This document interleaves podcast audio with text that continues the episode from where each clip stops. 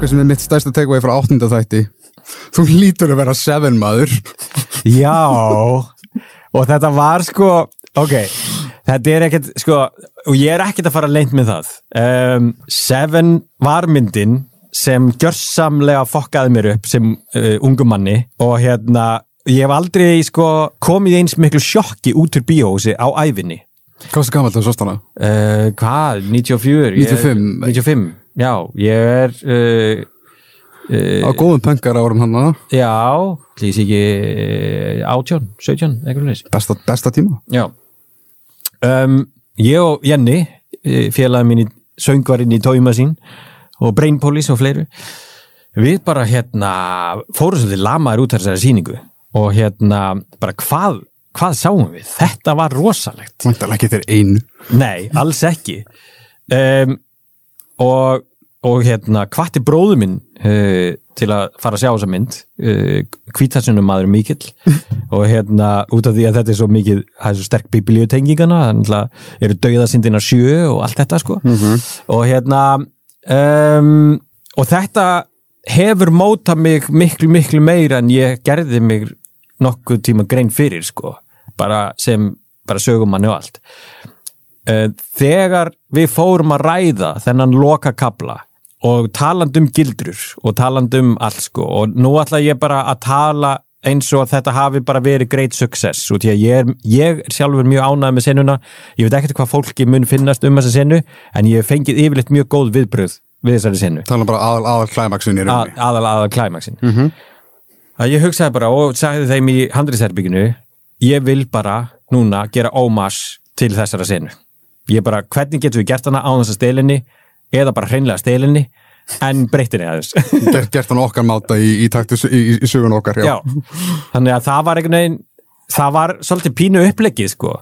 Um, ég veit ekki hvað ég skrifaði þennan díalog á milliðara oft en þann, hann var skrifaður oft og svo var farið yfir hann og hann var skrifaður aftur og svo var veist, þetta var textin, þetta var senan, þetta var momentið, þetta var það sem öll serían snerist um að fara að hvernig gerum við? Vondukalla loka senu ekki fáranlega bara basic, bara stóra minna. stóra uppgjörið. Þarna nefnilega sko, þarna er ultimate sprengjan af persónulega lífi karaktera og rannsóknarmálsins. Í rauninni ef, ef, ef það er rétt skilið. Og eitt ég líka sko magna þegar þú segir að þetta svona hvern, hvernig stelumæðurinn eða gerir svona eh, sitt variation á, á, á seven climaxunum mér finnst þetta mitt vera svo fullkomið blanda af þú veist, þú ert með mitt tensleikan, þú ert með atmóið þú ert með bara svona allt einhvern veginn er svo þrúfandi og skrúfandi en svo er líka með þetta svona sábópri element þetta er últimilli bara umskilur verðandi móður og, og, og, og höngana tvo sem er að, að slást um aðtikleganan algjörlega Er það ábeldismæðurinn eða er það krúti sem er í sambandi? já. og það var líka sko ég, veist, ég tal, Ekki lengur. nei, e- ekki lengur og ég var líka alveg harða á kvinni því að mér langaði allan að reyna og ég veit, ég, ég get e- enga með verið dómbar á það en mér langaði samt að reyna að fólk myndi sko finna til með Salomon í þessari sinni. Já. ekki bara þú ert ógeð, þú ert skrýmsli uh, og það er þessi afskrýmsla væðing sko, þú veist, auðvitað þú veist, Salomon er búin að ganga helviti langt í sínu. Hann er búin að drepa mikið af fólki einungis konur. Það er búin að losa sig líka. já, svo er hann búin að vera þetta, þetta auka level uh, þetta, þetta náriðils level uh, sem er náttúrulega sem var náttúrulega ofbáðslega sko erfitt sko þetta var kannski svona stæsta issueið í öllu samtalinu við erlendu meðframlendunar, það var alltaf bara þarfan að vera náriðill um, Já. já, hann þarf að vera það. Og ég var alltaf svona að reyna að segja þeim að þetta yrði mjög smekklegt. Þetta er líka svolítið spurningum bara að bæta ofan á hei ósýnilega. Eins og þú talandi um að gera þetta smekklegt, þú veist, það er ekkert sínt, þetta er bara að gefa í skín, en með því að gefa í skín með þeim hætti sem það er gefið í skín og sérstaklega á þessu stíi upplýsingadælunar, þar kemur þetta meira sem svona texture, með svona viðbót við allt hitt sem hefur verið einhvern veginn svona að leiða í ljós. Þannig að sko frá, frá mér sé sem áhrundi, þetta kom svona lítil viðbót sem svona en á Já. sama tíma þetta komir ekkit á óvart. Nei, það er alveg búið að vera að pepra eitthvað Já, fascination hans við mitt hérna, lík. Fyrst einhvern veginn sko hugsa maður eins og þetta hafi verið bara eitthvað hann að, að dandalast við einhverjar myndatökur. Já. en nei nei, hann sko hon- honum döði leittist með, með, með, með meirhlutin af þessum konum sko. Já. og það, það, það, það sjokkerar mig. En á sama tíma það að, að einhvern veginn reyna líka að portreyja þetta sem bara já, lítinn drengi fullorðist líka sem últimilli bara á bátt, hann á erfitt, hann er lasin erfitt, og Miss Kolbett líka selja svo mikið af því að hann er að opna sig og hann er að vera meira berskjaldar heldur náðu við Mhm. Anitu í þessum klæmaks á því að hann er ekki manipulera hann ég neitt, Nei. hann ég neitt sko. Nei. þarna finnst mér að sína sig svolítið að hann er alveg bara hjálpaði mér, en þarna út af því að allt hefur alltaf verið öðrum að kenna, þá getur hann ekki gert neitt sjálfur. Og hann þarf að hengja svo margt á skilur að vera að kontróla Anitu með sér og hengja hamingi sína Anitu, þannig að hún verður að hjálpa honum Svo getum við alveg bara skoðað uh, er út af því að til dæmis þegar hann segir ég tók í stýri á mömmu og það var ég sem hérna reyndi að, að drepa mig þá. Uh, er hann eh, er hann það kalkuleraður að frá hótelherbygginu og fram að þessum tímapunkti hann ætlar að deyja já. Eða ætlar hann ekki að deyja? Ég, ég tólka þetta þannig sem að þetta veldur er því bara hvernig gengur með Anitu 100% og ég elska hvað þetta er líka svona ódreiknarlegt confrontation í því sammingi og út frá því sem við vitum á þessum tímpúndi Anita er nýbúin að uppgötva líkið á Ragnari. Og veist, ég veit að við erum að fara svolítið langt inn í þáttin en við, en við bökkum líka að, að, að þarna er hún bara gjössamlega yfirgnæfð af, af reyði og sér þarna bara bílinn og það kemur í, í rauninni smóstandi eins og Salomon sé bara it, ég ætla bara að ræma hann hérna yfir á bílnum mm en síðan leiðir það yfir í aðeins meira era tifandi sprengju þegar um leið að hann er komin út úr bílnum hún er vopnaðan haglara. Já. svo er mitt kemur uh, svona, hvað segir maður knife twisted sem er með Elínu. Sko, ok, nú, nú verð ég aðeins að skamma þig. Þegar við tölum um að sko, hérna, þegar Ragnar og Elín ætla að láta draumi rætast þau vildu bara fara á tenni eða hvað, hva, hva, hvert vildu þau fara? Já, og það gæti verið bara, já, kannski þetta er bara næsta seria spin-offið, hérna Já. Ragnar og Elín. Ég vissi ekki að þú áttur við að handan. Nei, ég hló líka pínu inn í mér þegar þú komst með þessa frábæri kenningu. En eigum við ekki bara ímyndu okkur það að þau séu komin á tenni? Og hérna og hafið það gott hinum megin sko.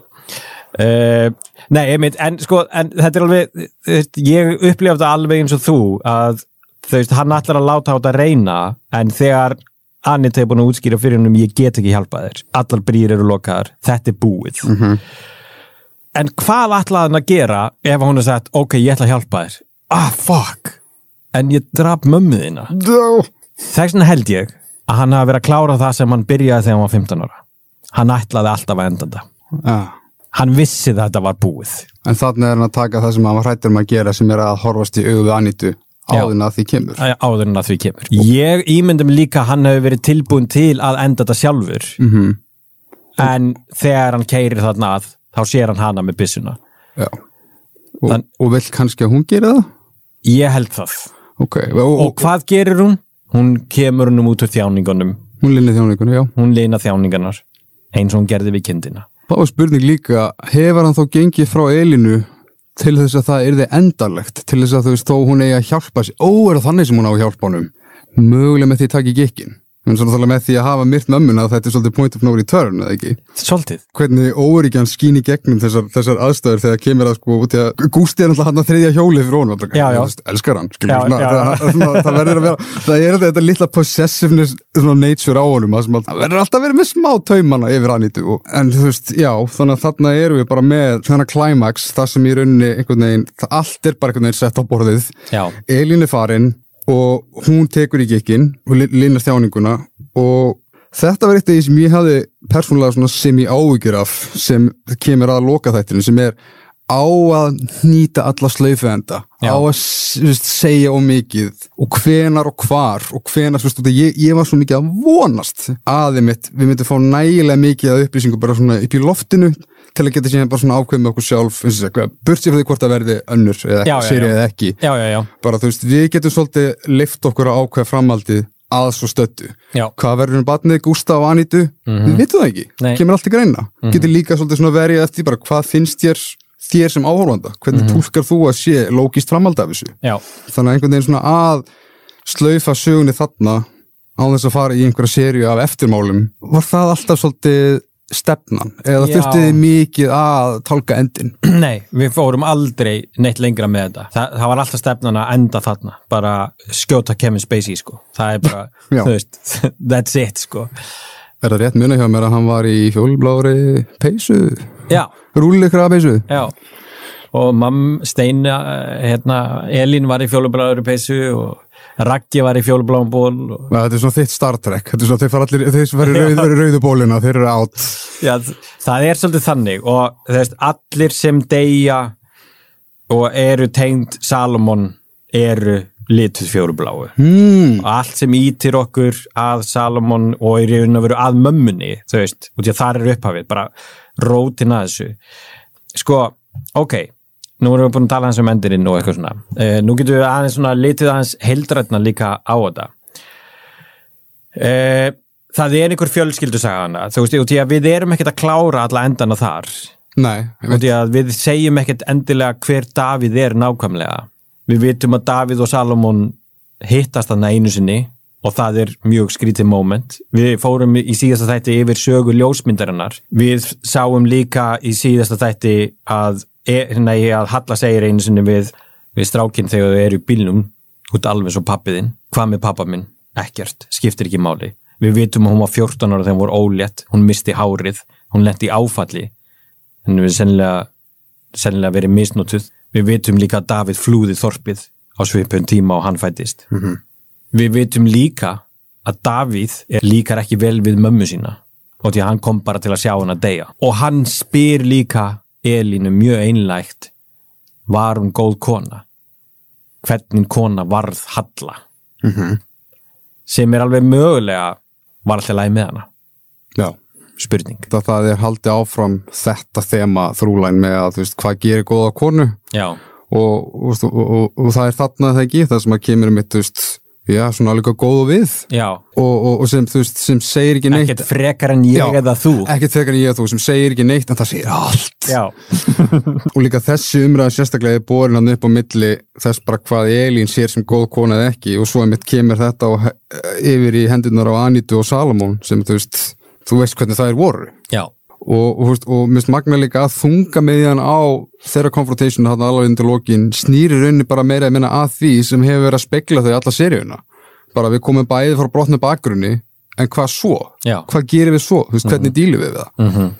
Og Salamón þarf einhvern veginn oftast að hengja sig á aðra vera einhvern veginn bjargvætti þorpsins vera séður af öllum sem bara með hotshot flotti gæinn og, þetta- og verður einhvern veginn að halda hlutunum á sínu kontróli og er með sína kinka hérna í, í, í, í, pókahorninu á meðan Anita sem, sem speilmynd við hann hún kerir allt svolítið á einu hörku. Já. hún ásetið í frumkvæði, hún díla við hlutuna sjálf hún tekur svona, já, mér finnst- finnst miklu meira svona proaktív og tekur svona initiative og vinnur actually í sjálfur sér og líka út frá hvað var að í fortíðin og núinu sem, akkurat, sem, sem Salomon Já, bara sem bara Salomon bersynlega gerir ekki Já. það er bara, nei, nei, það er bara ég er búin að ákveða Mhm. þetta er orsakasamikið, þetta er skafaldurinn leið mér að halda því Mhm. og meiri sem svo kemur fram í sjötta þætti, það er sofasinnan stóru sofasinnan, sem svona, ekki Jú, það sem hann hérna reyðist. já, Já.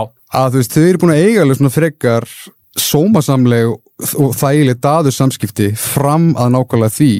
Og þegar skilur þetta snýra að því það sem að gera hann að honum sem er uppeldið og, og tengslið um mömmuna það bara endarlega setur þessa krosskutur að þau eru bara farin í sikkur áttina og eru upphafið strax að þeirra rift, þeirra distans Já. sem síðan leiði til þess að já, Anita svæfir hann og hún er komin alveg full force í, í, í lauruglumálið. Ég held að fórðurinn við það hvenær hann átti að sjá því að hún hefur svona innan gæðslapa svikið hann. Hvar ætli hann sjáu, já nei, Anita er ekki mín megin. Ég, það er ekki, það er í raun og veru bara þegar Raggi segir honum að lauruglan sé heima hjá honum. Já. Það er ekki fyrir þá. Það- Og að það, þar segir Salomon svo skýrt, ég, ég get ekki hort í augun á henni. Ég get ekki hitt hann aftur. Þar vill hann bara klára sig. Mhm. Sem hann endar síðan með að gera. En þetta er styrsti þátturinn, en þetta er langsamlega hraðasti þátturinn fyrir það sem hafa verið að kvarta Já. undan slíku, en hann er eftir thrillerinn komin alveg, alveg í hágýr. Já. Og með reyndar lengstu senunni af öllum senunum, ég held að senan sé alveg einhver 14 mínútur, þessi loka sena. En nú er líka sko gaman að, að hérna, ef ef við förum aðeins í hérna kryddin og, og, og hérna öll skemmtilegheitin, þegar ég var að tala um hana foreshadowing við þig ég snemma. Við, við fórum í síðast þætti yfir lægið hans að ragga, en það eru allir karakterin sem deyja uh, foreshadow og döðansinn í fyrsta þætti. Uh, á einhvern hátt.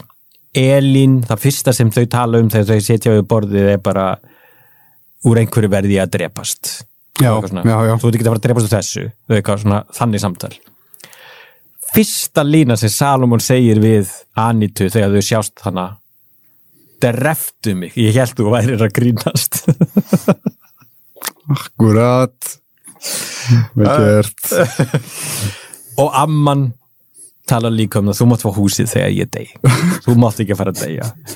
Salomon lofar henni í fymta þætti, þú ert ekki að fara að drepast úr einhverju óhreinu vatni henn á krananum ég skal lofa því. Það er svona, er gaman sko og það er sko, já, og svo er það Salomon, hann nefnilega segir tvisvar sinnum áður en það kemur nokkuð tíman í ljós þegar hann er með diktafónin og er að lesa yfir líkinu í fyrsta þætti og þau eru að tala um hann að fingraförin hann endar það á því að segja höfukúpubrót eftir höfuðhögg. Aha, hann segir að líka við bre bre breska kærastan mhm, eftir höfuðhögg, Steffen Steffen en það hefur aldrei verið talað um höfuðhögg. Á þessum tímúndi á þessu tímapunkti. Að hún hafi fengið höfuðhögg. Já, hún bara datt. En hann í raun og veru segir að tvisar upphátt bara höfuðhögg og því að hann veit að hann veitir höfuðhögg. Sko ég er búin að vera að lesa Kál villust í þessu þætti. Nei, þú ert búin að lesa ógeðslega margt það er alveg Ég er greiðlega ekki mjög góður í, í, í, í, í morðrannsóknar aspektunum Ég er kannski aðeins svo mikið seglast að karakterelement. Já, sem er náttúrulega miklu skemmtilega þetta er nú bara svona, þetta er nú bara svona núansað sem við höfum gaman að sem reyndar ég er ánægð með þegar þú spyrir mig á einhver tímpúndi með hvort ég sæði fyrir mig hvert í hvað stemdi með samband Elínar og Anítu Já. og, ég, ég, og mitt svar var eitthvað svona í líkingu við að já, það er svona í mýkri kantinu en ég bjóst við, þú veist ég held einhvern veginn eins og það væri bara full on confrontational uppgjör Já. sem er reyndið svo, það er rétt Já, algjörlega. Skilju, og, og, og þetta er svo Og þú tókst líka Salomon hérna, fó, uh, sko þú talar um Salomon bara sér annað þátt að hér var ekki allt gott. Og þetta með örið og sálum Salman er vondur. Já, þannig að það sló mig pínu út af læginu þá. En, hérna, en, en það átti samt alltaf að gera það. Ég held að allir væri búin að fatta það eftir fjóruða þátt. Og við værum bara að vinna með ok, af hverju er Salomon geðveikur sko? Aha. um, og, og, og, sem síðan einhvern veginn alltaf er líka bætt við þá brauðmóla eftir því, eftir þegar það er formlega staðfist hvernig Salomón er þá líka hef ég tekið eftir að með hverjum líðandi þætti þá er mitt þetta ekstra eins og mitt fortíðin hans með skilu mamman, Hallavildi í rauninni að hann væri, væri stelpa. Já, og fekk aldrei að vera eins í hans orðum ég fekk aldrei að vera ég sjálfur nema í kringum Anitu þú veist, eða þú veist, þegar hún kom hann og var í pössun, eitthvað þannig. Já, og sem, sem, sem er ein mögulega ein ástæðan sem geti útskipt fyrir honum hvernig hann einmitt sér þessa svona sálar einhvern veginn sálarfélaga tengingu við hana og neytar að sleppa því og hún er bara einhvern veginn, hún er hún er svolítið hans bjargvættur eins og hann sér meira að minna. Algjörlega. Og enn fremur eftir, eftir momenti þegar hún þú veist í rauninni tekur hans uh, deformity í sátt og kissir örið hans. Þá er bara ekki aftur snúið fyrir, fyrir hann, hann bara nei, þetta er, hún, hún, hún er gjössulega mín. Og í hans, í hans samingi hún er mín. Já, og það er sko í, þe í þeirri sinnu þegar hann kissir örið á henni að það er eitt annað moment hennar uh, hann, þau er að kissast og hann byrjar svona, fer svona niður kissir á henni brjóstin en svo leggst hann. Já, og hún tekur hann í svona móðurlega stellingu. já, já. Nákvæmlega sem er stellingu og Halla tekur Salomon í rúminu og leggur hann svona upp í brjóstið á sér. Og þetta er bara svona lítið fænes svona aha, moment í þegar hann er bara hérna, hérna er ég örugur sko. Já, því að við vorum að tala með síðast þætti bara hvernig sjáum við Salomon, hvar sjáum við Salomon núna? Og það, þú veist, þú ert- þú ert alveg komið með þetta og hérna en þú veist, það er bara uh, þetta þe- þegar, þegar ég var að skoða í gegnum þessa fjöldamorðingja sem hafa alistu og þetta er alveg ótrúlega, það eru ótrúlega margir fjöldamorðingjar aldnir upp sem stelpur. Jaha, þetta er bara, þetta er bara rannsóknarefni. Það sem þeir fá ekki að vera strákar og þeir eru neittir til að vera stelpur. Ég þarf að hlusta fleiri borðkast já, ég sko ég, ég las um fjóra þannig, og, en svo eru sko ennþá fleiri, þú veist, með þetta mommy issue dæmið, það sem bara samband mömmu og sonar er bara hellað. Ég meina fyr- fyrir náttúrulega höllu það ég meina ég, ég ætla ekki að veist, skafa af því að það, það, það er náttúrulega blasið svolítið við, ég meina Salomon er basically bara svolítið bóitóið hennar Já, þú getur að orða þannig, já. það, það er eitthvað. Sko, það, e, það sem Halla vildi ekki er að hann yrði kallmaður eins og hún þekkir kallmenn. Þetta var actually lína í þættinum sem fór út samt, en það er samt svolítið grunnurinn, þú veist, og þetta er það sem við höfum fundið, er að þetta kemur af hatri af kallmennum. Hatur af kallmennum kemur af ástæðu. Ástæðan er mögulega Davíð, Davíð. akkurat Það er mjög betra að ekki segja það út. Já, ég er alveg sammála því, en, en það klifti ég helvitis línu nú.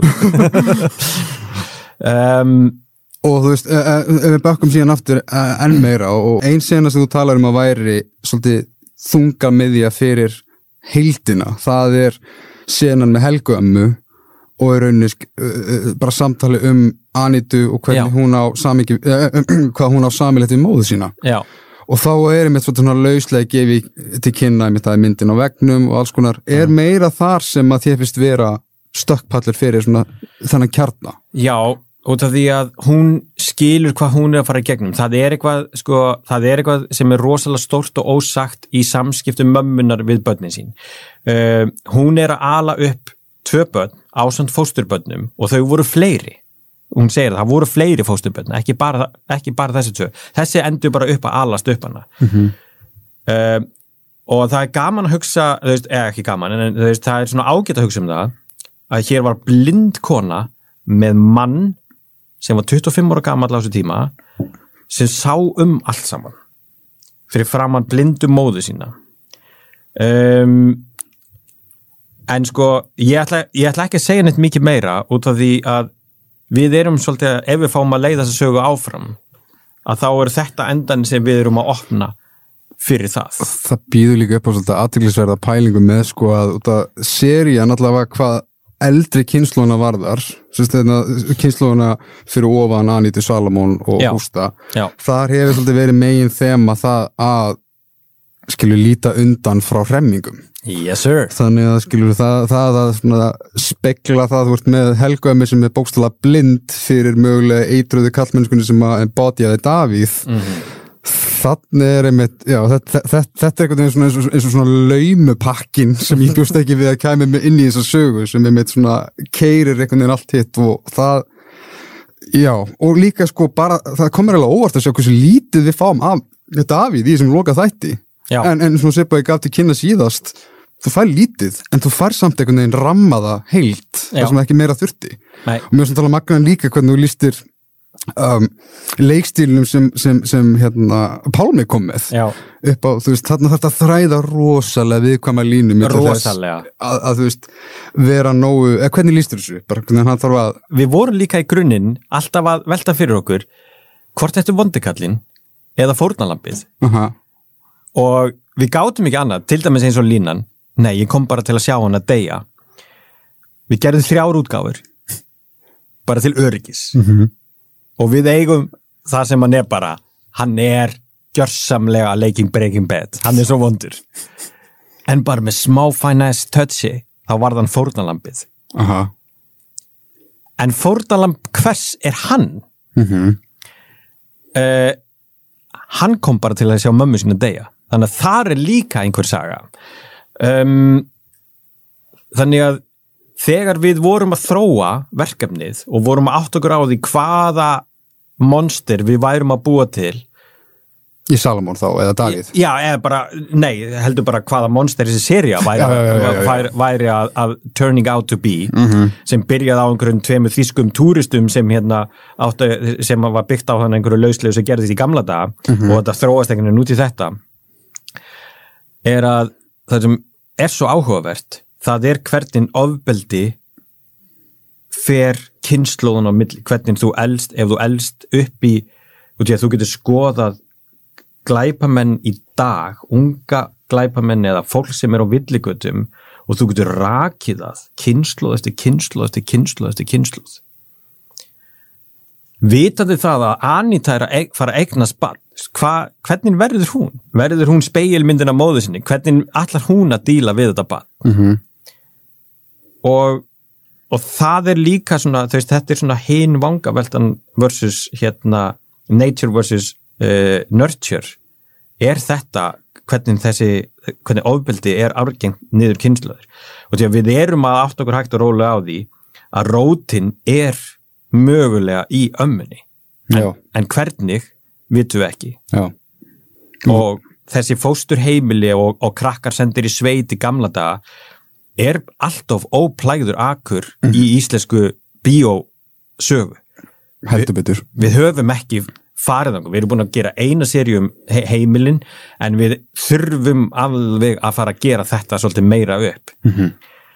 og þegar við áttum okkur því að við værum að leiða okkur þangað það er bara hellað, geðveikt við erum að gera glæpaserju en við erum líka að ráðast á þjóðasálunum hægt og rólega Svolítið, svolítið mikið, já. Þetta, Já. þetta er allt annað en ég myndi segja bara glæpa sér ég. Betur. Það er væntilega líka, það sem mér finnst náttúrulega bara húrandi fagnarefni við þessu serju, svo ég aðeins leiði mér aðeins að gusja yfir því. Það er þessi tragikómiski speill við hvernig við sjáum erlend ferðafólk, eða bara, Já, eða bara, bara útlendinga. Já, Já, og, og líka þú veist, í því að þú veist, meina, þú leif, við leifum okkur að svona hlæja því, en skilur, oft kemur, oft kemur satýra oft Mhm. vel til skila með því einhvern veginn að beina svolítið svona komískum speklaði case in point þar er, þú veist, sendiferða líkbílinn Mhm. eða bara, þú veist, hvernig einhvern veginn fólk bara svona reytur úr sér hluti sem maður hugsa, ó ég, þetta er viðbjóður. En fuck me hvað ég hef heyrt fólk segja þetta. Já. oft og mörgu sinnum. Já, sko um, af hverju náriðill já, um, bara eitt spurning. Já. Og það, þú veist, það er ekkert eitthvað svona í að það er svo geggjað. Þetta er pöngað Já, það er svo pöngað Við getum, við getum skoða út frá mörgu uh, sjónarhornum. Uh, það, það er meira sér sko, það hægt að tengja við framheila skada sem þú getur hlotið í bílslýsum og annað.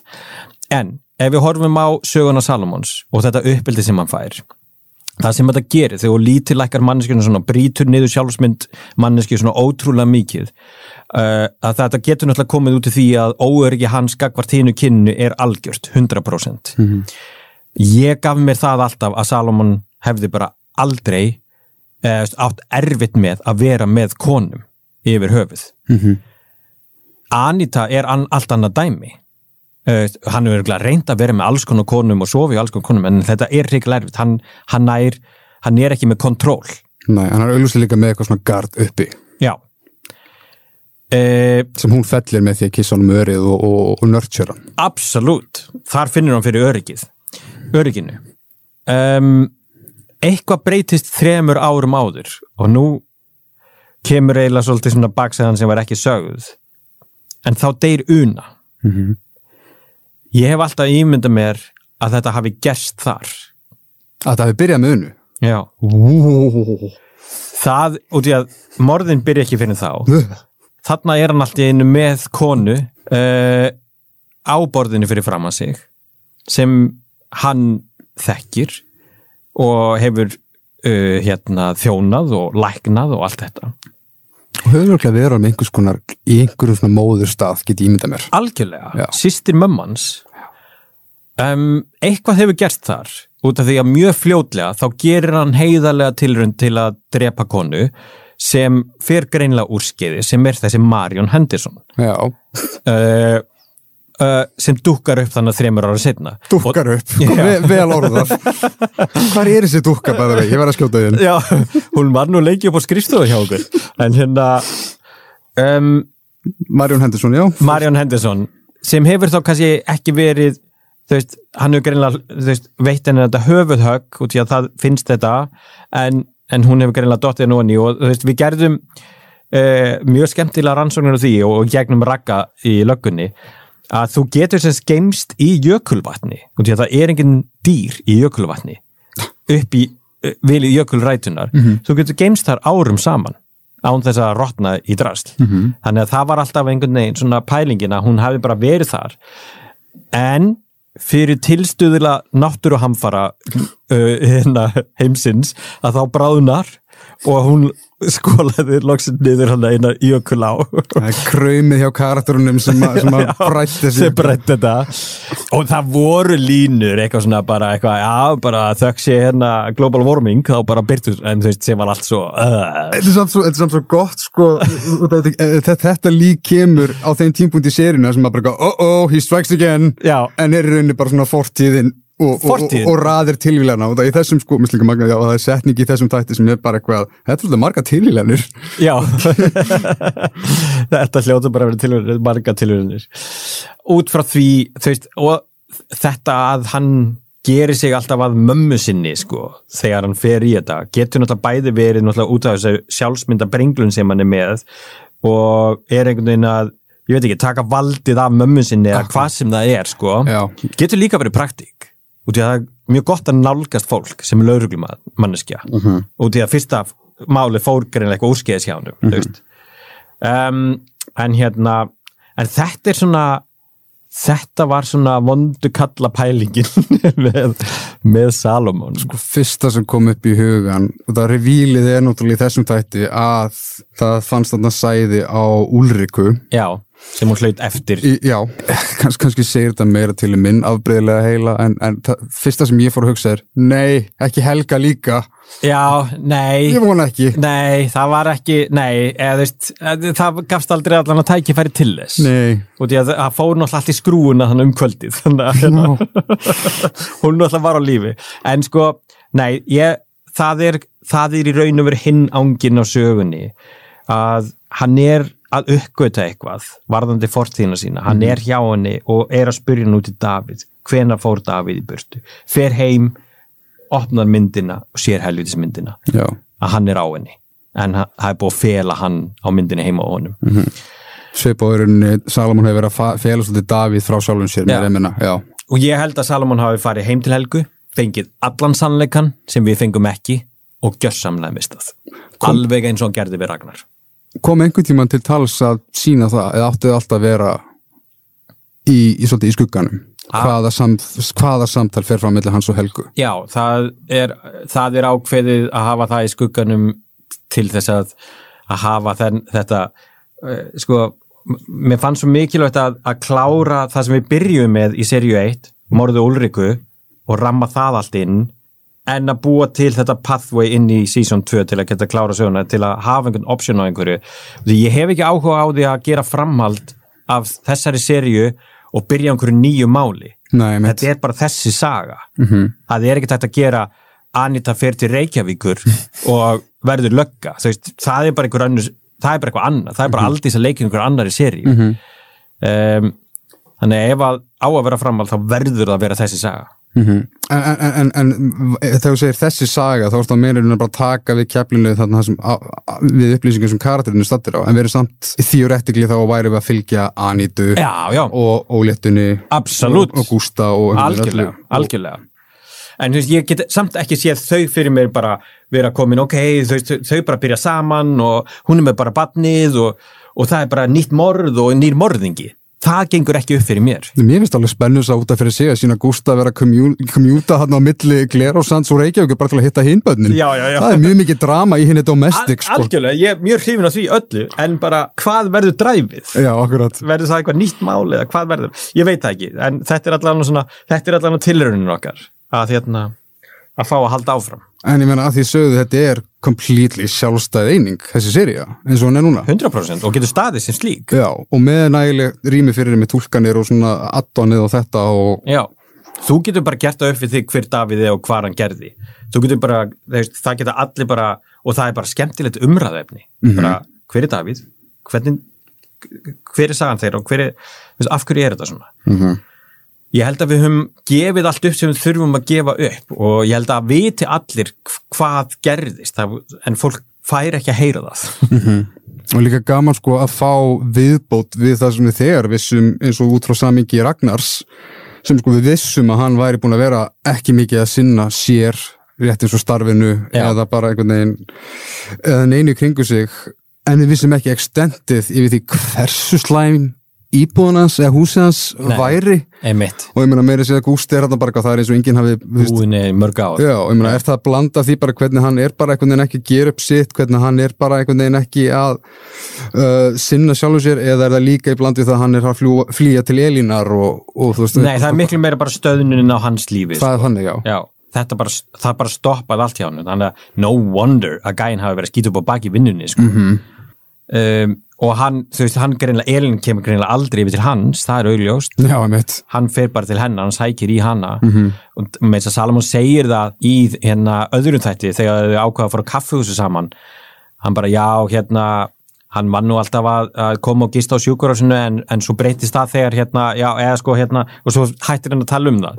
En þá er hann, og því að það er alltaf allir að eitthvað að reyna að segja henni, herðu já, by the way, Raggi og mamma henn þau eru byrjuð sko saman. Mhm. og þú veist, að þetta er pínu erfitt. Sem er þeim með sárara frá sjónvarni Anitu að hún þurfa að sjá það í beinni útsendingu í partíinu. Í partí, já, stórisleikurinn sem er með sko frá, frá fyrsta áhorfi, þá kemur þetta út sem sem er bara eitthvað, ó halló, sumir er komin aðeins svo mikið sko, sem maður vissi ekki nákvæmlega hvernig historið þar var. Og það, þú veist, ég, ég var þannig ekki að tengja saman eins mikið að þetta var alveg orðið þetta mikið þing, út af þetta var alveg sko, þetta var eitt af mörgu ósagða þegar einmitt Anita kemur aftur til Glerásanda og, og, svona, og, og skoða púslinn og allt það svona eftir á þá finnst mér magnaði mitt að skoða einmitt að það er einmitt undirliggjandi, eitthvað sem maður vissi ekki áður fyrr, að ma maður spyr sig hvenar ætlaði að Anita mögulega veist, e- e- ef, svona, ef nokkuð tíman segja mömmu sinni frá fóstrinu?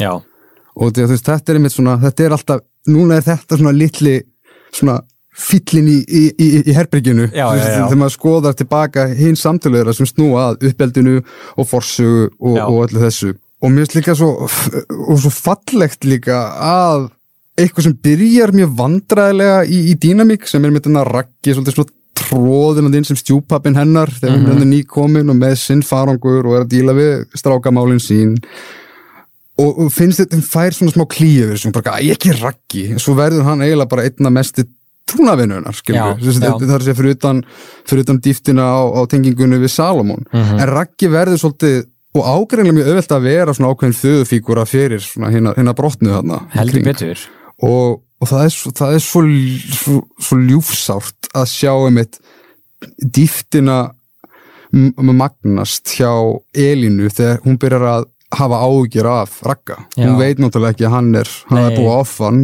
nei, í, og, og, og það að heilin hennar fer strax til þess þegar hún kemst að því að, að senasta sem hún gerði var að tala um að fara á eitthvað hótel já, og hún, hún, hún verður svo app og hún verður svo, hún verður svo eitthvað stjórnlust áhyggjufull, eðlilega og það, er svo það, það, það er alveg tortímdi mér að sjá þegar hún notaði með svolítið svona þetta domestic svona heima kósi hjá Elínu mömmu spil, herri ég er að gera egg hérna handa, er það ekki að koma? já, já, já, já. Hey, heyrum heyrum- heyrum ekki vera að steikja eggin? já, hringdi í mig svona last resort þetta og já, Raggi skildi alveg svo sannlega eftir impression já, geta ekki sagt hann, þau, gera það öll og, og það er Já. alveg íkvöli jafn hartbreyking að sjá Elínu þarna en sko þeirra síðasta samtal er síðan bara samtalið eða, það sem maður er búin að að býða eftir að Elin geri allan tíman segðu fyrirgefðu og þú viljir gera, þú veist, hún ætlar að gera betur.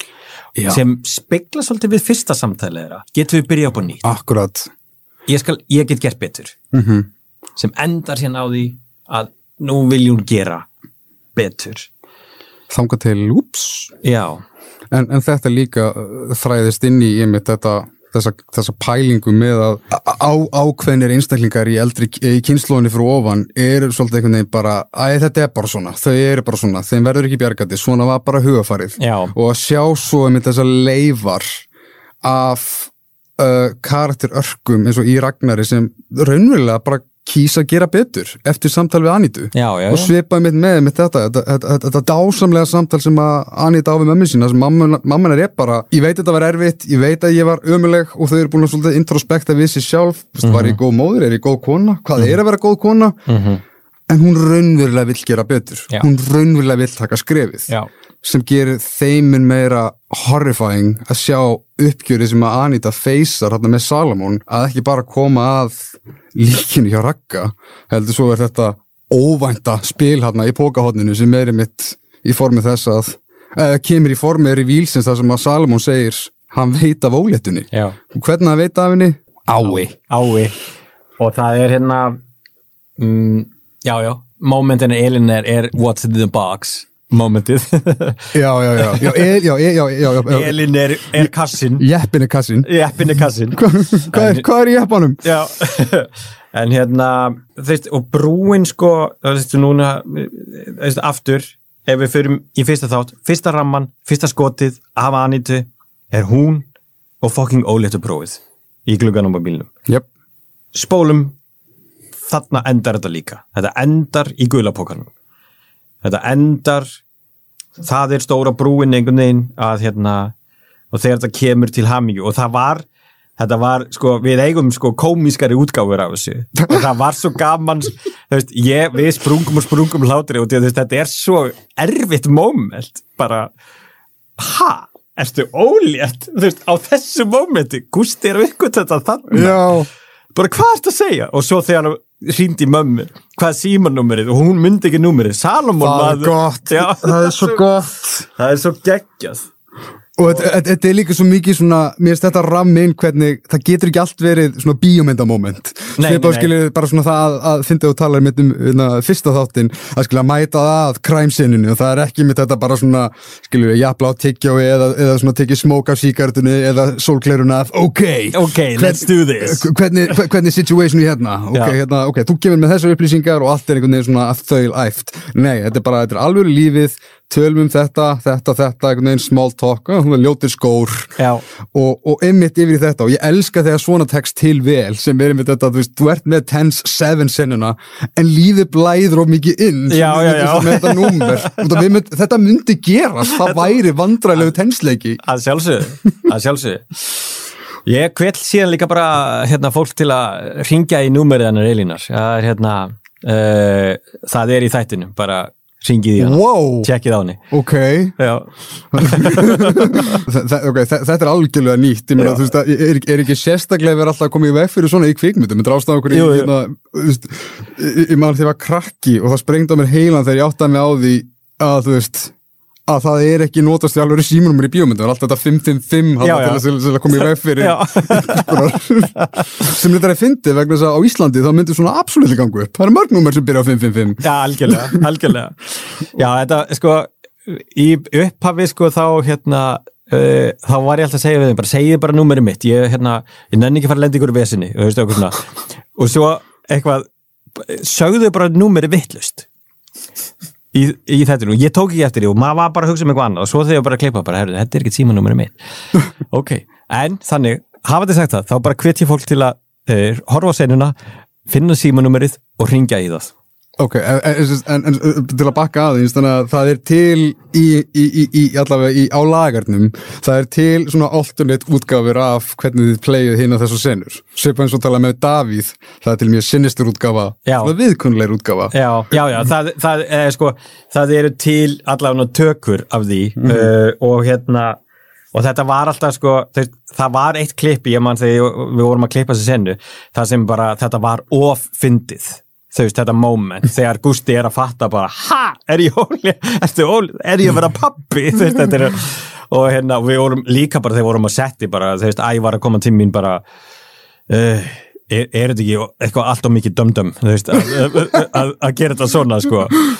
Og hérna en, en ég var alveg einhvern veginn sannfærður um að, að þetta uppbrot á senunni gerir akkur það sem þú varst að tala um áðan. Þetta er ekki svona bara já ok, þetta er ekki, þetta er ekki alvöru bíómynd, þetta er lífið. Já, já. uh, sem, sem, sem, sem styrkir tónabræðingin þetta er svipað með sko þú getur verið með insla í sériu sem er heilt yfir gífilega alvarlegt. Ég meina þú ert með revíl í formi þess að þú veist, aðal aftur en að gæslapa skúrkurinn er náriðill en þú getur samt liftir að hafa senu eins og þetta hótel Rangá það sem bara, heyrðu, ég tala bara við tengdapappa þinn Já, já, já, já, já. Litla Ísland. Litla Ísland, já, einmitt. Og mjög gott touch. Og elska líka, ég veit ekki hvort að þetta hafi verið viljandi ekki eða bara eitthvað sem ég svona, svona pipra inn en mér fannst magna hvernig Tom er einmitt svona pína smala ferðafólk eins og kindur. Já, on the left side. On the right side já En ég ætla, ég, ætla, ég ætla bara að segja það að mitt mesta áhugjefni og Al- Aldísar og, og Ævars og, og Kolbins fyrir þessa tökur var þessi lokasena. Um, við skutum þess að lokasenu mjög snemma í dagtökunum þegar við byrjum í dagtökum. Eða hvort það fór inn í nætutöku periódu út af einhverju. Það var allavega frekar snemma í tímabilinu. Þegar við klárum þennan síkvens, þetta var þryggja daga sjút, þessi, þessi lokasíkvens. Þessi climax, já. Já. Og hérna, þetta var þryggjasta, þryggjadaga shoot alltaf í Virgin Sandi sem er sko, út í að þú veist þú náttúrulega ert með crew og bla bla bla og það, þú veist, þú ert að búa til svona ákveðna leiðir hvernig hún lappar að, en svo þú veist, þú ert búin að skjóta eitt angul þá þarf alltaf að færa allt hingað. Út í að þú ert búin að tróða allt út í marfaða sko, í fótsporum og Ég meina, er, er aldrei neitt sem að svona, sem, þú veist, bara, sopar yfir það? svo bara yfir, jú, svo þegar voru búið með tökudaginn, þá fór leikmynd og reynda sópið yfir svo getur Ok. byrjað byrni náttúrulega við erum með endalaust að sandi hana. Aha. þannig að við skutum yfir alveg ótrúlega stórt svæði og þurftum að fá ó, veist, mikið leifi og, og veist, út í að við erum að, veist, að bara út í náttúrunni að bara hrubla við henni þarna. Þannig að þetta var allt gert og þessi skúr og allt það kom frá okkur og við settum hann hann niður og, og hérna, unni í góðu samstarfi við, við hérna, landeigandur en ef að þessi sena virkar ekki þá er serían ónýtt þá er allt sem við erum búin að leggja upp bara ónýtt. Þetta varð að virka. Þegar við klárum þessa senu þetta voru ótrúlegir þrýr tökudagar sko léttirinn mér fannst ekkert erfitt í tökum eftir þetta. Allt var bara ég er búið með lókasinu og mér finnst hún frábær. Bara let's do this veist, þetta var, ég held að það veri alveg rúmlega tveir mánuðir eftir að tökum, jafnvel, já, tveir og halva mánuðir eftir þegar við klárum þessa senu. Og, og var það fronta þarna af þeirri praktík til þess að reyna að fá þessa tilfinningu eða var það bara af öðrum Nei, praktískum það var bara algjörlega praktískum ástæðum. Ok. Bara, við erum bara hérna á þessu svæði og þessum tíma og þetta er tímapunkturinn og líka gera það áður en e, túristinni fara, já, við gerðum þetta snemma út af því, ég manna núna. Ah, Við þurftum að skjóta þetta tiltölu að snemma út af túrisma. skilur við fengum svæði fyrir okkur í þess að þrjá daga og hérna og svo er þetta svo, þú veist svo er, erum við náttúrulega alltaf spurt mig og Jóa, herru, sjáu þið þetta í tökunum? Og maður svona nei, öruglega ekki sko. Uh, við ætlum að skjóta svolítið mikið þess átt en svo náttúrulega gerist alltaf eitthvað þú veist, fucking sólin, hún er til dæmis gangi allan tíman Já. og við þurfum að snúa okkur líka samkvæmt henni. Og svo kemur alltaf því bara ah, herru, við erum akkurat að sjá það sem þú, við sjáðum á þann að þú myndir ekki sjá. Og þar er við, þar eru alla búðinir okkar þar eru all tjöldin, þar eru allir bílanir þannig að þegar það gerist það bara, herru, við verðum að skilja þess átt.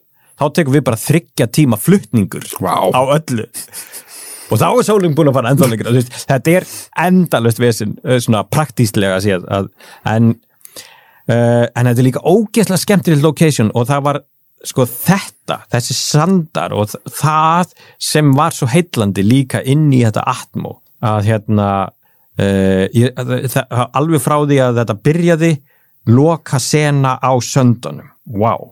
og þá fór þetta Fincher að grípa mig. Bara, já, við erum að fara að gera ómast til Seven. Með, með, með ykkar snúningi. Já, En býr það ekki líka til ákveðið viðbrað hjá, hjá, hjá ykkur sem kvikmyndagjara fólki að ef maður næra aðlagast íslensku veðri þá er maður svolítið einhvern veginn bara svona öllum, öllum slögum undirbúin og það, Já, þú veist, þetta, ég meina, já. til dæmis eitt sem ég fannst svo flott við, við, við, uh, lokasenuna, alveg loka lokasenuna þegar Anita er komin í þyrluna Já. er að það, þú veist, það er rigning Mhm. fyrir utan og hún er náttúrulega hágrátandi hún og Fríða eru bara einhvern veginn, það er einmitt þetta þessi, þessi andlega losin holy fuck, þetta actually gerðist Mhm. þú veist, og er það, er, veist, er það eitthvað sem kemur þá veist, vildi bara svo til að það dropaði á það rúðuna. dropa- það dropa á rúðuna. Og það er, þetta var þetta var, þetta var bæði frábært og þetta var líka ömulegt og því að hérna uh, við erum að skjóta sama tíma sem er að gerast inn í þyrlinu og það sem er að gerast fyrir utan þyrluna. Einmitt. þannig að þegar Gústi er að labba þarna að okkur og þá er þyrlina fara upp lofti og þá eru við inn í þyrlinu að skjóta það sem er að gerast þar. Það sem ég vildi gera var að skjóta út af því að þegar þyrla tekur á loft að það bara myndast eitthvað svona ríkmökkur já, svona tveim, þrem mínútum áður en við fórum á stað þá bara byrja að helli demba og rykið settist. Þannig að það kom ekki þessi mökkur. Þetta var svona, þetta var svona mitt hérna uh, Jerry Bruckheimer moment. Og fyrir ævar að lappa í slóm og fá fokkin þyrlu og fá ríkmökkin fyrir aftan sig. Það er ríkmökkur, hann bara sést ekki nógu vel. Þú veist, það var hérna, skallin og ævari var sko sandburstaður Nice. eftir þetta, það er bara veist að tína út grjótin úr honum En í staðin farið láni ólóni sem er st- stuðningur við symbolismann að þú veist, Akkurat. bara veröldin grætur Veröldin grætur fyrir him, him, Já, heiminin strumpar Já, þannig að þetta var svona, já, þetta var lán í ólani uh, þetta moment. sem, Já, fyrir ekki Já, en, en þarna endur við síðan á læginu sem tekur okkur á stað í þessa seríu í, rau- í raun og veru þannig lagað. Þetta er símringingarnar Elinar þetta er, þetta er lægi sem þau syngi í partíinu Akkurat, já, já, já. Um, uh, en við endum í ramma með Fríðu og Anitu Ég, ég ætlaði einmitt að koma að því. Hvar, hvar kom sérst, kveikið þráðuna því að, að það eði fríða sem myndi veita Anítu þessa huggun og eða bara það almennt að hafa fríðu í senunni versus það að hafa Anítu eina þarna eða, eða, veist, eða Gústa eða, eða Tomma eða skilja já, bara hvernig, af hverju fríða á þessum tímpunkti sko fyrir mér hefur Fríða alltaf verið að byggjast meira og meira upp í seríunni sem einhvers konar líkil manneskja í þessu öllu. -hmm. og Arftæki Ragnar sér unni já, og því að þú veist ef við höldum áfram með þetta að þá er þessi karakter búin að stíga upp sko. Ú, ég fýla það Ég vil að dýrka fríðu Ég Já, að dýrka öll- dýrka allir Fríðu. Já, en bara líka Já Mhm.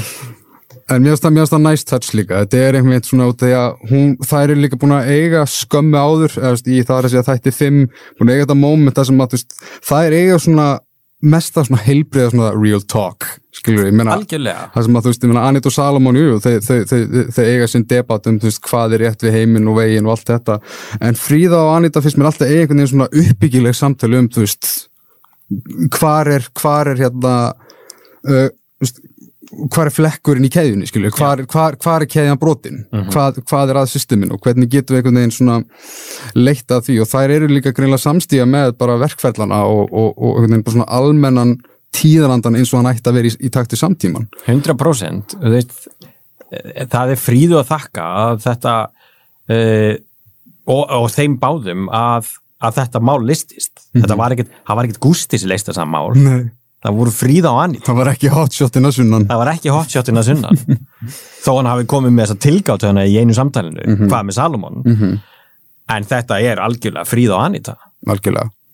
það er ekki spurning. Ég er enda með mjög aðtilsverða sögu, ef ég má segja hana aðeins. já, Sko, ég, þegar við byrjum að þessu, þessu ferðalegi og, þú veist, þá komum við þetta að, já, við, við, við vildum, spjalla og taka hvert þátt fyrir sig og meta hér og þar og, en við vissum ekki almennilega hvað við vorum, að fara út í og ég vissi rauninni ekki hvernig serja blasti við mér fyrir náttúrulega því lengra sem á leið. mm Kemst í svo alls konar fyndin tilvílunum eins og skilu, já, stjúpammin var á setti. já, já, já. En það sem eiginlega sló mig mest á læginu út frá persónleiri tengingu og þarna kemur kannski svolítið inn í umræðina með hvað við áhorfendur getum projektað mikið á okkur sjálfum yfir á listaverkin sem ég finnst vera fagnaðarerindi það er með þessi aspekt með nálguna á, á útlendingum. Raunin er svo, sko, þú þekki mig sem ég heiti Tómas Valgesson í þínum ögum.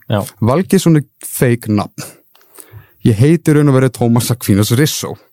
Ég tók við nafni stjúföðu míns vegna þess að ég upplifiði svo mikið að fordómum í minn garð frá æskualdri Vá. fyrir ítalska nafni mitt.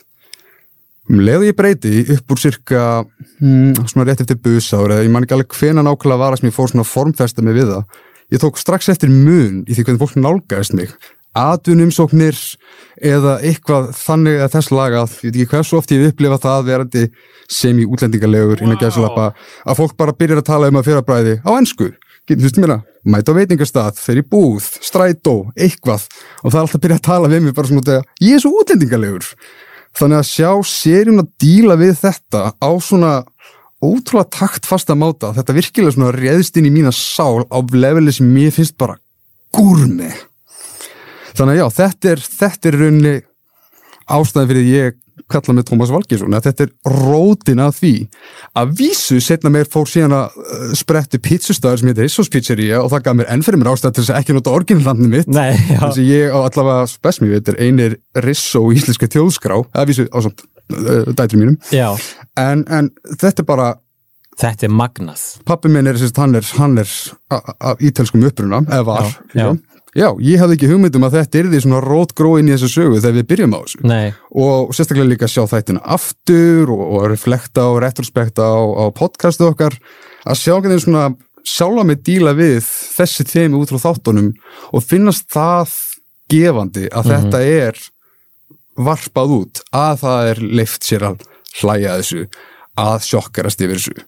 Mér finnst þetta mjög og, gefandi. og verða í raun og veru kjarnin á morðunum á ferðakonunum. Akkurat. Út af því að það var leiðinans til þess að senda líka ekki í krupningu út því að það var auðveldara. Krupningasían, eins og ég nefndi, já ég hafði ekki hugmynd um hversu mikilvægt það var þegar Já. ég nefndi það þá.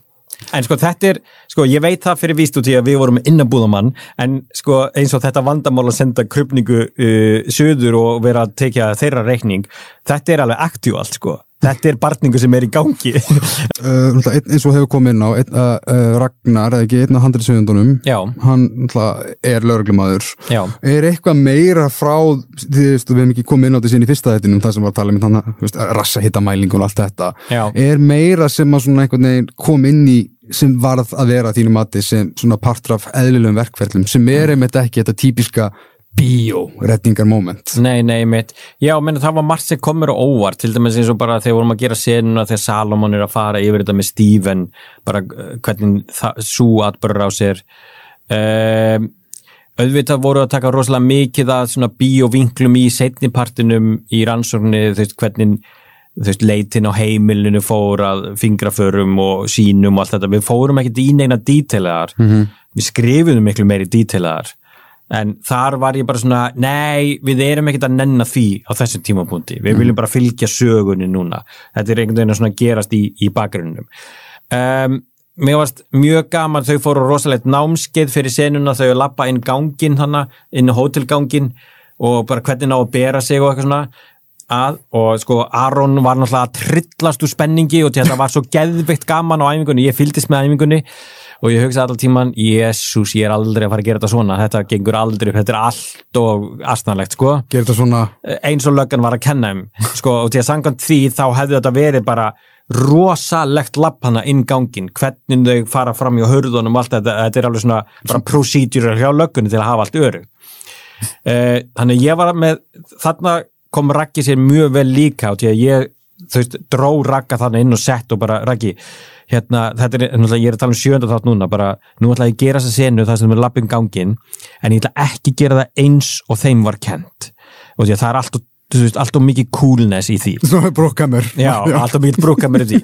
Þannig að þú verður núna bara að stoppa mig af hvenær ég ger þetta of lítið úr öllu.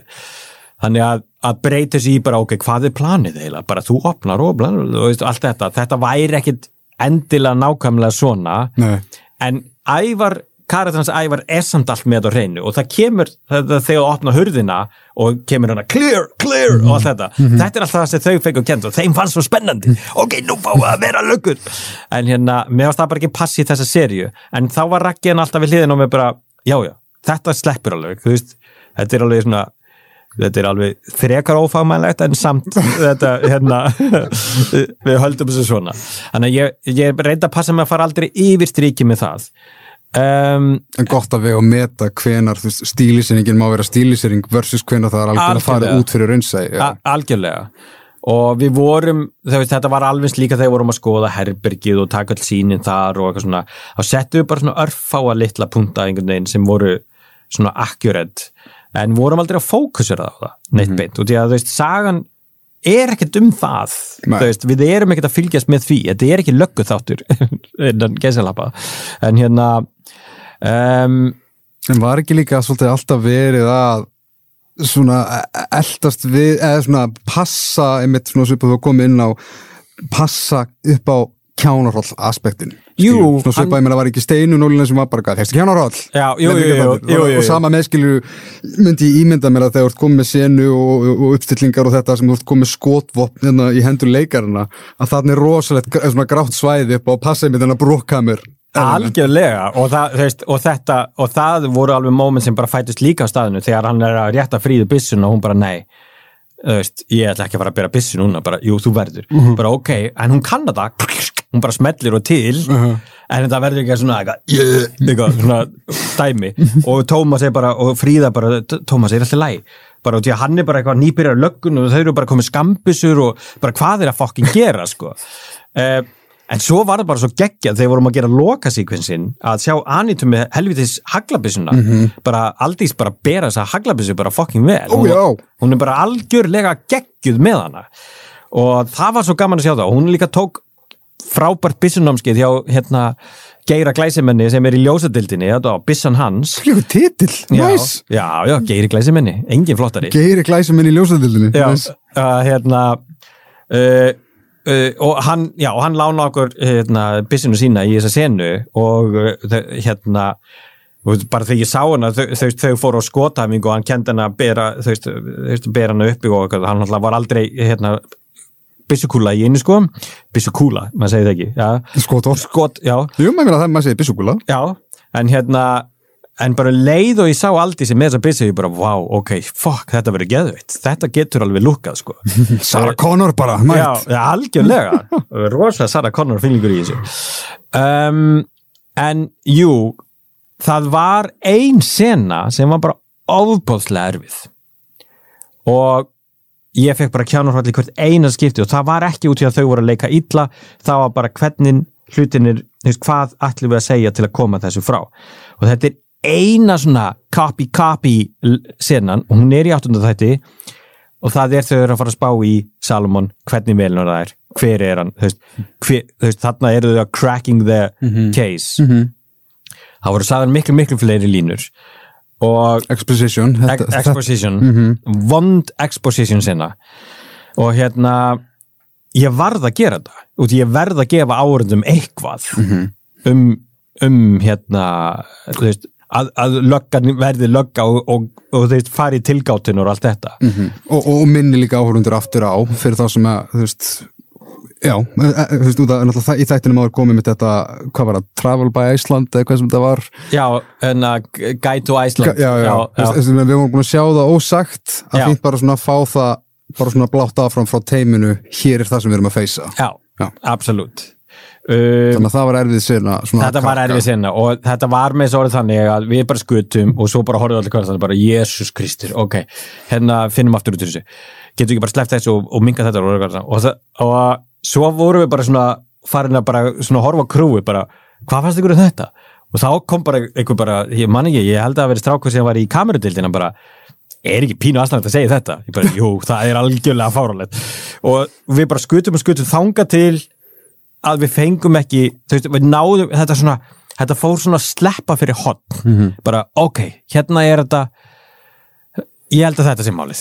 Veist, núna er þetta komið. Og svo reyndar ATR nokkur línum í viðbútt uh, inn þannig, en hérna þetta, sko, en þetta segir mér bara Bald, að Baldvin, þú getur aldrei búið til venjulega lögguseríu, ég get það ekki ég get ekki verið með einhverja ofur snjalla löggur sem eru bara, ó já. Ég, við erum bara að leysa málið og því að við vitum allt best, veist, ég bara kann þetta ekki ég, bara, ég skil þetta ekki meir, meiri finnst sér en brúkkamir í þér. Sko. já, já, já, já sennilega þannig. En, en eitt sem líka tengist með þessum þessum svona feeling að, að brjótast út fyrir bíómynda hefðirnar.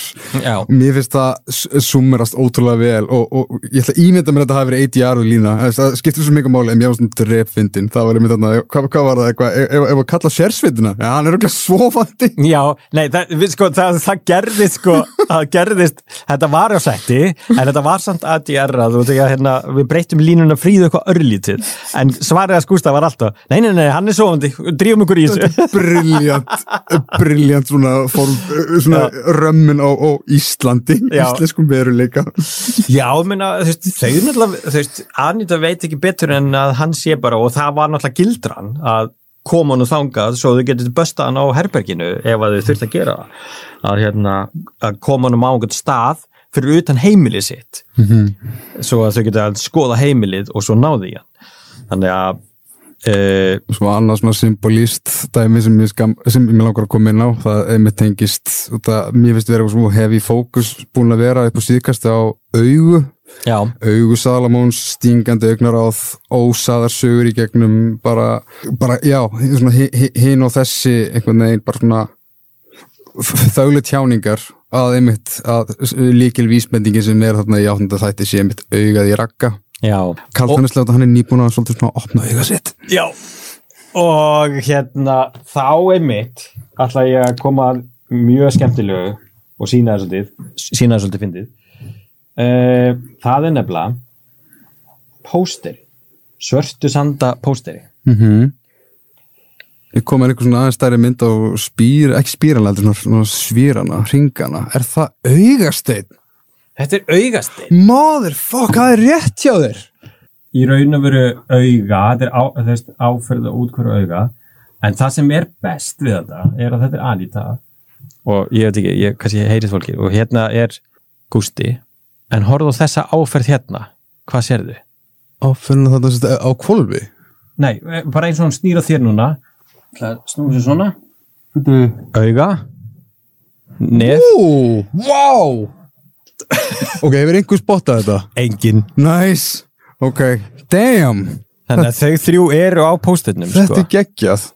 og hún er hérna inn í auga, inn í spíral Aha, og þetta, sko, hann Sævar sem býr til hann að póster ok, wow, ég veit ekki hversu oft ég hef hort á hana póstir. Af því sem ég hef ekki hort á hana á kvolfi mikið. Nei. Damn, þetta er töff. þetta er, þetta er geggjað að þú veist, ég sagði ekki Sævari hvernig hann ætti að gera pósterinn, ég sagði hann bara inntökin, bara spírall þetta, dyrli, uh, og alls konar hlutur, hann kom síðan bara með þetta, hann þú veist, þegar þetta Salomons tricks hérna, að koma með það inn í að var algjör negla.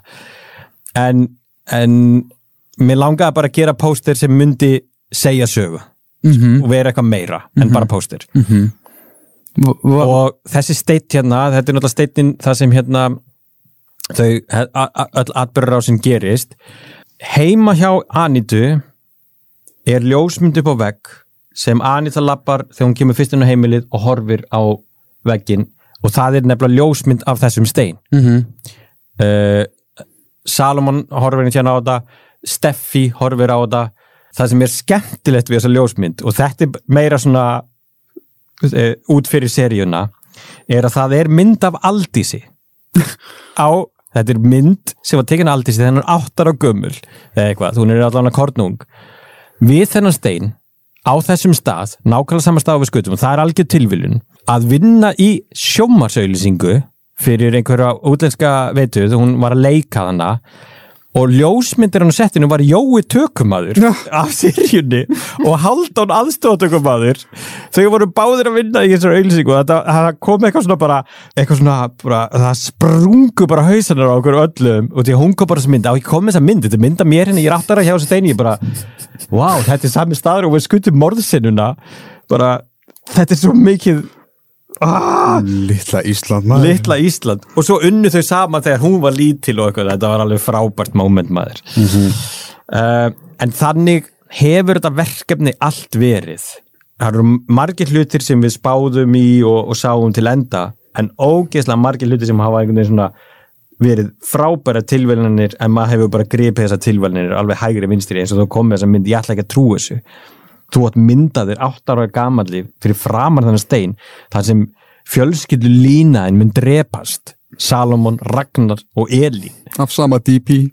af saman, já Jésús Kristur já, þannig að ég, ég held að við séum bara komin á okkur enda stöð með þetta Já. er eitthvað annað sem við viljum ræða með hann þá Það er alveg örglega eitthvað sem maður vil koma inn á. Myndi 11 ára Baldvin sem að gera raundranga vera ánæður með afraksturinn á þessu? Já, ég held að hann sé skíunum út af því að það sem ég ímyndaði mér í upphafi og það sem ég langaði alltaf til að gera var svona seria, svona glæpaseria með þessu, þessari nálgun. Finna þetta frábæra fólk sem skrifa eða sko, eða þau fundu mig til að einhvern veginn að koma þessu öllu heim og saman og ég sitt í dag horfi á verkefnið með vör horfi á ferlið, þetta þryggjara ferlið sem var að enda í dag bókstallega Mm -hmm. og ég er ofbúslega ánægð með útkomuna og ég geng sáttur frá borði Það er bara briljant. Ég óskar innilega til hamingi og takk kærlega fyrir að fara í þessu för með mér og, og draga mig í þessu för. Þetta er búið að kenna mér ímislegt á sjálf mig sem og ferlið. bara takk sem er leiðis, Og- þetta er búið að vera mjög upplýsandi að sitja hérna með þér Og ok, eitt að lokum og nú verðum við að halda í þeim að linna þjáningum. Hvaða helviti sjómaseri er það að tala um í fyrsta þætti? já, herði, Ég er ekki búin að leysa það. nei sem sett, þetta er náttúrulega algjört djók en þau eru að tala um svörtusanda Oh my god! Það lág í augum uppi. Fuck. Briljant. já, Love it. Ok. Takk fyrir mig. takk sem leiðis